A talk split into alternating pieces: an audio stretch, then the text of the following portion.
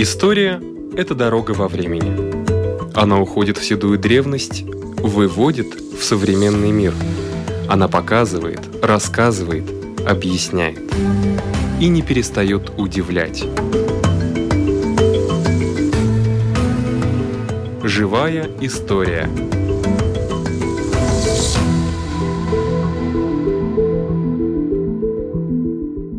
У микрофона Лидия Чера.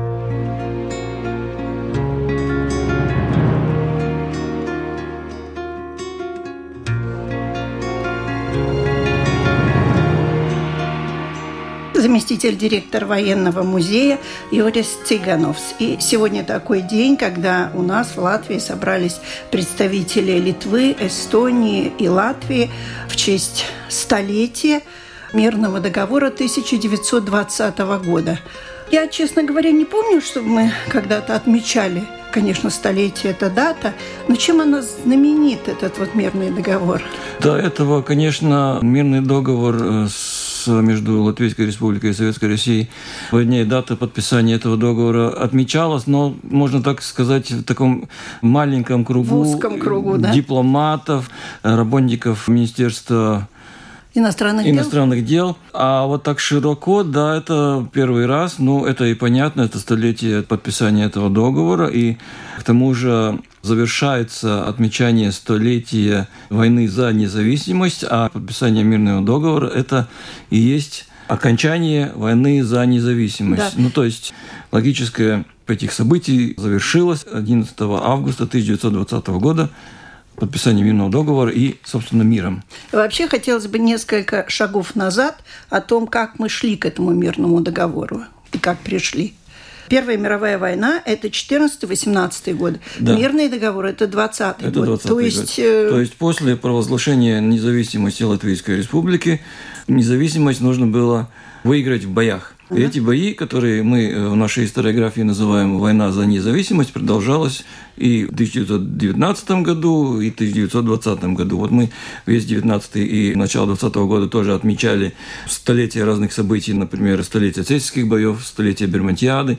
Был цикл ряд э, мероприятий, которые праздновали столетие боев в Латгалии – в Даугавпилсе, в Резекне там был целый ряд этих мероприятий, и потом грянул коронавирус, и все остановилось. И завершается все это столетием подписания мирного договора в Риге между Латвийской Республикой и Советской Россией тогда. Это был самый важный договор в истории межвоенного периода Латвийской Республики, потому что этот договор, по сути дела, во-первых, легимитизировал Латвийскую Республику, то есть ее начали после этого договора признавать как э, субъекта международного права. Последовало признание от Лиги наций в начале 1921 года. Тоже столетие будем отмечать 21 января следующего года.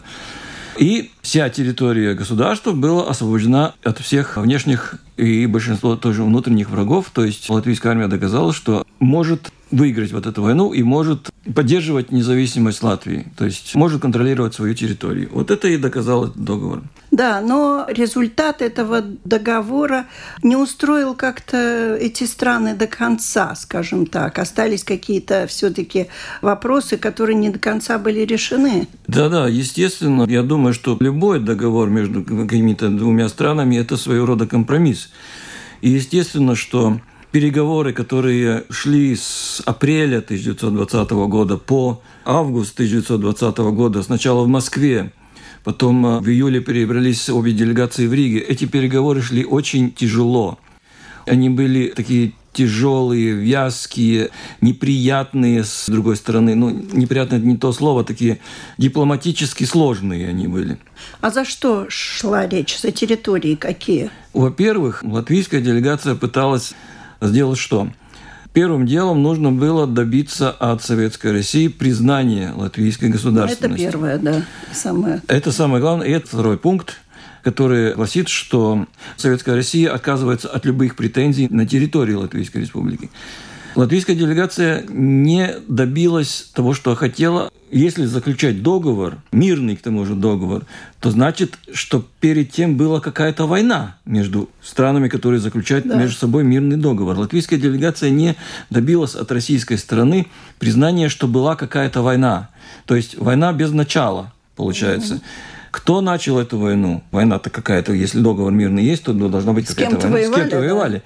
Латвийская делегация это не добилась, хотя это тоже был один из таких моральных, может быть, пунктов, или пунктов, на которые латвийская делегация очень рассчитывала, то, что Советская Россия признает свою агрессию против Латвии. Этого не получилось. А получился мирный договор, который закончил войну, у которой не было начала. Дело в том, что некоторое время перед заключением мирного договора Латвийская республика Советской России заключили договор о репатриации беженцев. Это очень важный момент именно с латвийской стороны, потому что практически половина населения Латвии, той территории, которая потом называлась Латвийская республика, это были беженцы, которые по разным причинам, главным образом из-за военных действий, были вынуждены покинуть свои родные дома. Даже мои предки выехали. 800 тысяч человек это было, да. на, на минуточку, да. И вот этот договор о репатриации беженцев предусматривал порядок как беженцы могут возвращаться на территорию Латвии из территорий, контролируемой Советской Россией. Но ведь эвакуированы не только люди были, а заводы большие. Это уже было как раз дело мирного договора. А вот латвийское государство считало, что беженцы – это, во-первых, приоритет, во-первых, да. приоритет люди, которые находилось на территории России много официальных и тоже неофициальных представительств латвийских властей. Чаще это неофициальные представители. К ним обращались люди с просьбами, могут ли как-то возвратиться, но граница была на замке, то есть линия демаркации между латвийской армией и Красной армией. Через нее не пускали пока этих беженцев. К тому же нужно было попытаться хотя бы освободить так называемых заложников, которые советская власть брала, в том числе из числа латышских колонистов, которые находились на территории ага. России, из числа интеллигенции, которая находилась на территории России. Ну, система заложников – это такая довольно распространенная практика в первые годы существования советской власти, а именно на какой-то данной территории определенное количество людей – которые составляли нежелательные классы, которые большевики не признавали да. полноценными людьми, их брали в заложники на тот случай, если где-то вспыхнет что-то противокоммунистическое. Что с ними потом стало? Ну, их, как правило, расстреливали просто. И нужно было решить и эту проблему. И вот этот договор, который предшествовал мирному договору, он упорядочил этот порядок, как беженцы Возврат возвращаются, людей, да? возвращаются. Не всегда это получалось. Ну, это уже, так сказать, издержки на местах. Но, по крайней мере, была такая попытка. А вот то, что вы говорили насчет материальных ценностей, это уже пытались включить мирный договор. И в том, что этот порядок возвращения материальных ценностей будет тоже упорядочен, но в основе мирного договора. То есть в мирном договоре там пытались договориться об возвращении и заводов, вагонного состава, материальных ценностей, то есть денежных ценностей, какие-то там золото пытались возвратить, которое по подсчетам принадлежало Латвии, там было Какие-то большие суммы. 4 там. миллиарда рублей золотом, но получилось только, наверное, если я правильно помню, 1 миллиард возвратить угу. из России. Из вагонного состава тоже возвратили где-то процентов 20 только назад. Ну, вагонный состав – это очень важная составляющая для экономики молодого государства, потому что у нас тогда была довольно разветвленная система железных дорог в виде того, что все э, воюющие стороны здесь их строили, просто железные дороги. Хорошо строили а, и немцы на нашей да, территории. естественно. И, вот, и нужно было вот эти вагонные составы возвратить, чтобы попытаться потом или заработать транзитом. Это была такая трендовая идея, что Латвия может быть транзитным государством между Западной Европой и Восточной Европой. Это не осуществилось, но это другое дело. И вот это тоже мирный договор пытался как-то упорядочить. Ну и третье – это границы. Нужно было определить границы латвийской территории и границы Советской России. Мирный договор тоже определял основные вот эти линии границ. Там тоже были трения насчет определенных территорий. А не помните, о каких, если не говорить об Италово-Абрана? Ну, это был один из самых ключевых моментов. Да, То это есть, было. А еще были какие-то Да, претензии? были, были. Это возле Освейского озера территория, э, территория на севере, это тоже Пыталово. Почему Пыталово? Пыталово или Абраны, последующее, это была не территория этнического проживания латышей, но это был стратегически важный железнодорожный пункт. Это перепутье двух железных дорог. Там одна колея идет на Петербург, до Петроград, и вторая колея, наверное, из Москвы. Было нужно вот этот стратегический пункт взять. Латвийская армия его взяла из-за стратегических соображений и оттуда не отступила. А советская Россия не была готова воевать за такой маленький клочок земли. Но Друйская область, это возле Освейского озера область, это была тоже этнически не латышская территория. территория. А латвийская сторона согласилась, что сначала были переговоры о том, что там устроить плебисцит по тому, куда да. эта территория отойдет, но потом плебисцит отменили из-за организаторских разных неурядиц. Ну, было ясно и то, что плебисцит не даст положительный результат для Латвии, потому что латышского населения там было очень мало. А в начале февраля 1920 года, когда было подписано перемирие между двумя воюющими армиями, то есть между латвийской армией и Красной армией, 1 февраля это перемирие вступило в силу, но перемирие было тайным. И еще четыре дня латвийская армия продвигалась вперед, чтобы достичь такой стратегической прямой линии. И в том числе, чтобы потом можно было торговаться за вот эти территории в процессе мирного договора. И это и было. Нельзя сказать, что по территории мы все получили, что хотели, но нельзя сказать, что мы были как-то обделены тоже этим. Но вот эти переговоры, они были очень тяжелыми. А и кто вел переговоры? С советской стороны делегацию возглавлял Адольф Йоффе. Очень матерый дипломат, переговорщик, да? старый меньшевик, потом, который уже перешел на большевистские позиции. И он умел это дело делать, он умел вести переговоры. А с нашей стороны кто? С нашей стороны сначала переговоры вел адвокат Аурелий Зебергс, который оказался все-таки недостойным противником Адольфа Йоффе, а потом переговоры вел Янис Весманис в июле поменялись вот эти люди, который оказался довольно хорошим противником Йоффе. В рижской стадии переговоров по просьбе тогдашнего министра иностранных дел Миеровица в латвийской делегации как консультант влился и Фрицис Мендерс, знаменитый э, социал-демократ, лично знакомый с Адольфом Йоффе, еще с меньшевистских времен, когда они оба были довольно ну, Знамен... друзьями, наверное, ну, нет. Ну, партийцами. коллегами, партийцами. Партийцы, да. которые находились на одной позиции в меньшевистском крыле социал-демократической партии России.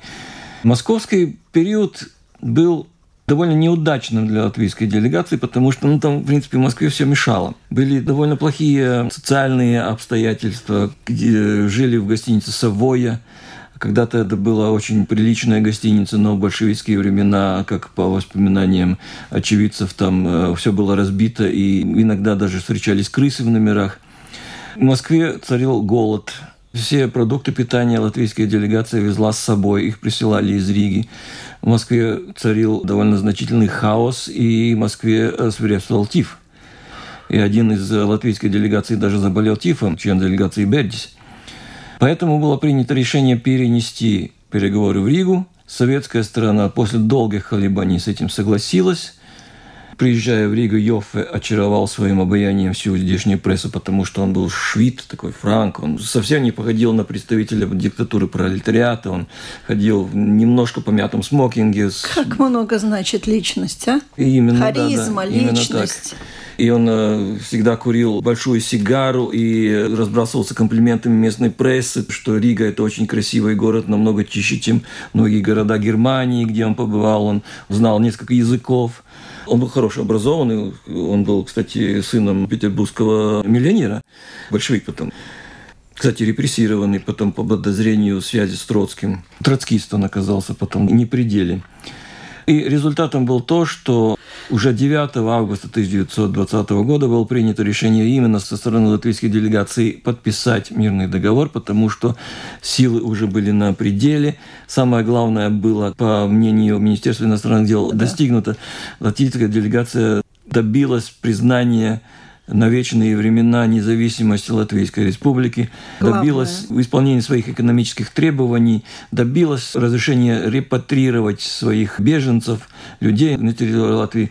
Один из пунктов тоже предусматривал, что обе стороны обязались на своей территории не допустить действия каких-то враждебных организаций по отношению к другим государствам. Ну, Латвия это выполнила, Советская Россия, потом Советский Союз это не выполнял, потому что тогда нужно было разогнать коммунистическую партию Латвии, которая не была разогнута.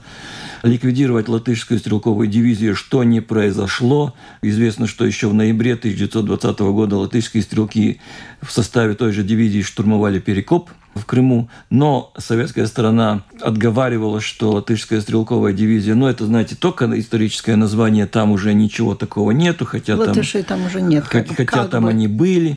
Латышские стрелки начали возвращаться только осенью 1920 года назад. Но самое главное было достигнуто. Мирный договор был подписан. И вот именно 11 августа 1920 года, уже тогда, в тот год, люди воспринимали как конец войны. То есть все, на этом война закончилась. Да. да, нужно понимать, что с 1914 года на территории Латвии шли военные действия. К тому же они шли как говорится, физически. Через год после начала Первой мировой войны территория Латвии была разделена на две части. Одну часть оккупировали немцы, на другой части оставалась царская администрация. 17 год – это все переполохи о обеих революций, то есть февральской революции и октябрьского переворота большевистского. Это полный хаос на той территории, которую контролировала российская сторона. Потом оккупация Германии, которая длилась год. И германская оккупация – это был без преувеличения колониальный режим здесь. Ну и началось потом, конечно, 18 год, это еще два года войны. И вот 11 августа 1920 года наступил мир. Ну, конечно, при хозяйственном хаосе до окончательного мира, может быть, еще нужно было там чуть-чуть подождать, но люди этот день считали праздником. Играли оркестры э, в скверах Риги, есть фотографии, где люди на фронте, то есть на линии демаркации, будем называть это фронтом. И там происходит празднество, там люди танцуют, слушают музыку. Конец войны. Может быть, это не такой день победы. Нет, это просто окончание войны. Скажите, годовщину этого события отмечали вообще вот в свободной Латвии? в Первой Республике? Ну, так э, массово нет. Этот день был отмечен именно такой ведомственный праздник. Это был праздник победы латвийской дипломатии. Министерство иностранных дел, конечно, это отмечали. Но так, что это был бы массовый праздник, как, например, 11 ноября, который воспринимался именно как день победы латвийского оружия, да, латвийской да. армии. Нет, это так не было. Или 22 июня 1934 года. 22 июня тоже отмечали довольно много, но это победа в боях под Цесисом. 11 августа это было очень значимое число в нашем календаре. А со временем, как вы считаете, изменилось отношение к этому мирному договору?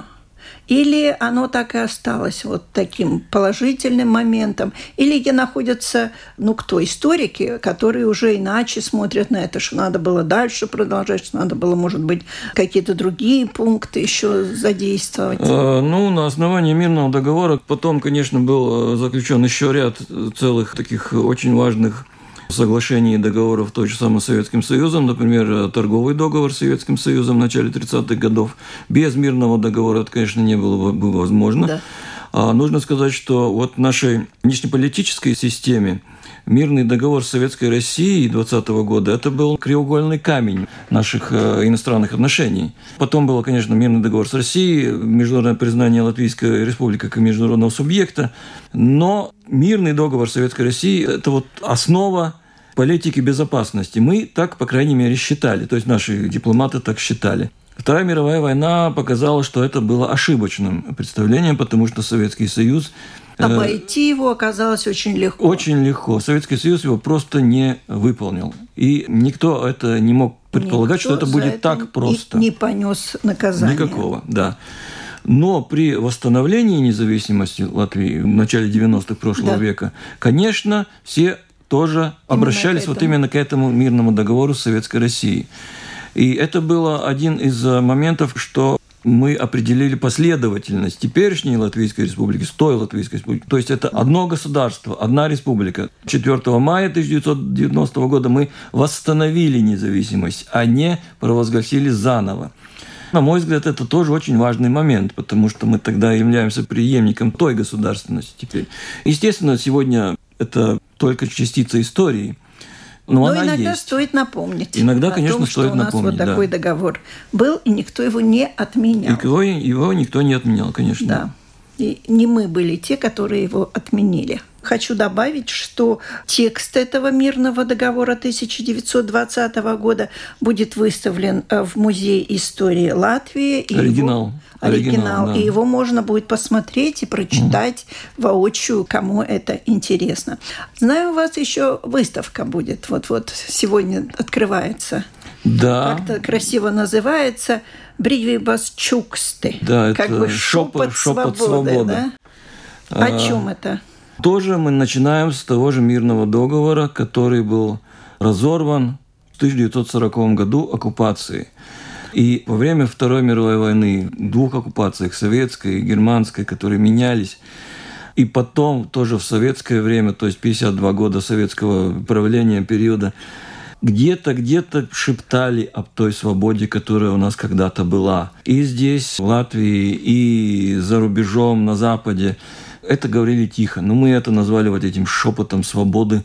То, что у нас была государственность, то как-то все-таки мы напоминали. Ну, естественно, что в 50-е, 60-е, 70-е годы никто всерьез не думал, что можно что-то восстановить здесь, потому что казалось, что Советский Союз это надолго, если не навсегда. Это 15-я республика. Да-да-да. Но как-то, может быть, подсознании или как. Все-таки каждый из нас знал, что был такой красный красный флаг, и что когда-то при Карлосе Улманисе жилось по-другому. Вот эти те шепоты, которые из поколения в поколение передавались. Я же тоже родился в советское время, но тоже мне что-то там бабушка говорила, да, дедушка говорила. Все рассказывали. Все рассказывали об этом, но не вслух, а шепот. И вот такое аллегорическое название «Шепот свободы». «Шепот свободы» 1940 до 1990 года. Выставка открылась сегодня в 10 часов утра. Спешите видеть, вход бесплатный. Да, но соблюдая меры предосторожности в наше нелегкое время. Спасибо за эту интересную беседу. Я благодарю заместителя директора военного музея Юриса Цыгановса.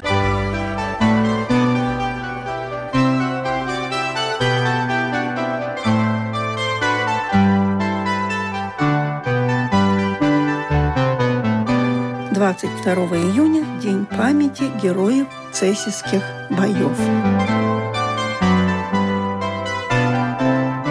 100 реликвий истории Латвии, рассказывает историк Ирина Зейбарте. 1919 год – один из самых переломных, один из самых сложных и важных лет латвийской истории, потому что, начиная с образования Латвийской республики, фактически через несколько недель после 18 ноября 1918 года Латвийская республика вынуждена была вступить в военные действия. Началась война за освобождение Латвии, и в течение ее было несколько переломных моментов, когда решалось быть или не быть Латвийской республики. Одним из таких был период так называемых цесийских боев или цесийских битв летом 1919 года. Это июнь 1919 года, когда бывшие союзники латвийской армии, то есть немецкие образования, железная дивизия и ополчение Остзейское под командованием Ридегера фон дер Гольца повернула свои оружия, свои намерения против латвийской армии и союзников латвийской армии, эстонской армии. Это произошло в окрестностях города Цесис и довольно на большой территории, ну, примерно на территории бывшего Цесисского района. В течение нескольких недель происходили довольно ожесточенные бои. Бои эти окончились победой латвийской и эстонской армий. Немецкие формирования были вынуждены сдаться не только сдался фон дер Гольц со своими немецкими солдатами, но результатом было и то, что после победы латышей и эстонцев национальных формирований латышей и эстонцев в цесийских боях о своей отставке объявила так называемое правительство Андреева Недры, которое образовалось э, в апреле 1919 года в Лепае. Так что результат этих боев был очень важным, и то, что ситуация была очень-очень сложной во время этих боев, об этом рассказывает один конкретный факт в этих боях.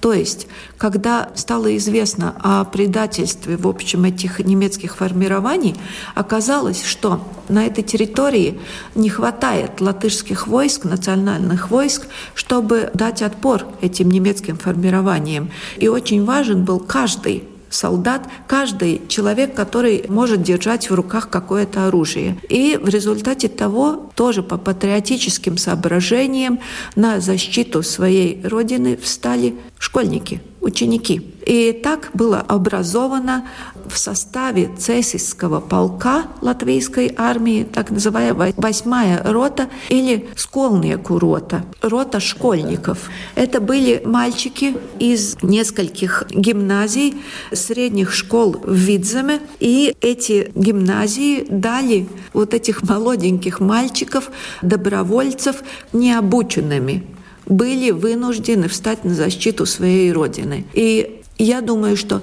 самым главным в этом процессе было то, что они стали символом этого патриотического подъема, того, что никто не может, никто не должен оставаться в стороне, когда отчизна в опасности. И эти молодые мальчики, я не думаю, что они очень-очень много решили именно в военном смысле, но в эмоциональном, в моральном смысле это был очень важный патриотический поступок, и прилив добровольцев после этого примера только продолжался в латвийскую армию. Когда окончились битвы за освобождение Латвии, конечно, эти молодые люди отправились каждый обратно в свою жизнь, но очень долго, десятилетиями спустя, они поддерживали связь между собой. И поэтому, когда в 1929 году исполнилось 10 лет со времени этих боев, тогда тогда было принято решение как-то объединить не только этих молодых людей, которые ну, уже были зрелыми людьми, а память о них. И было принято решение вышить знамя этой роты. Конечно, этого знамени у них не было во время боев, а теперь в память об этих боях было принято решение вышить знамя. Знамя вышивали под руководством своей учительницы девочки из Цесийской гимназии. Вышивали целый месяц. И это знамя стало стало таким символом, объединяющим историю и настоящее, потому что по своему принципу, по изначальному замыслу, это знамя стало переходить от одной школы в другую. А какие это были школы? Те школы, из которых были добровольцы в эту школьную роту. Но все цесийские школы? Не только. И валмерские. Я могу назвать все школы, в которых хранилось это знамя в 30-е годы, начиная с 1929 года. Это были Валмера, Лимбажи, Массала, Царуена, Валка, Алуксна, Гауена, Смилтона, Цесис и опять Валмера.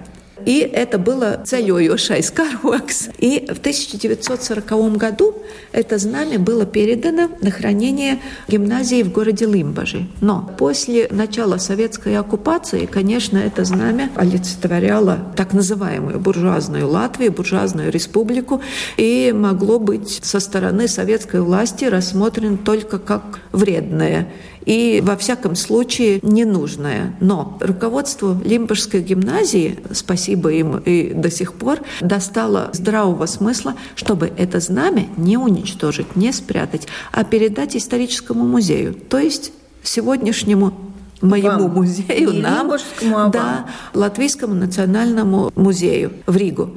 И когда после восстановления независимости Латвийской Республики начали думать и о восстановлении традиций Латвийской Республики, когда, в частности, восстановили в ЦСИС памятник освободительных боев, а, между прочим, памятник в ЦСИС был самым первым на территории Латвии большим памятником в память национальной освободительной борьбы, тогда стали стали думать и о том, что надо восстановить и эту традицию, и это знамя.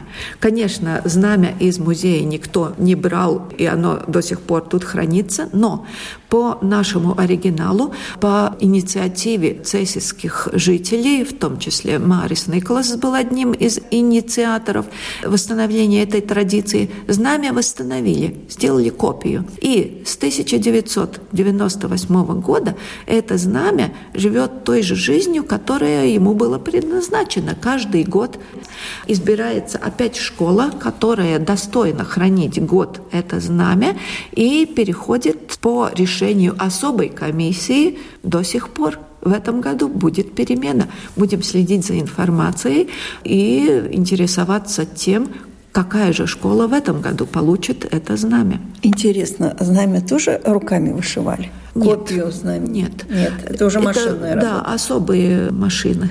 У микрофона была Ирина Зейберт. На этом наша программа заканчивается. Всего вам доброго.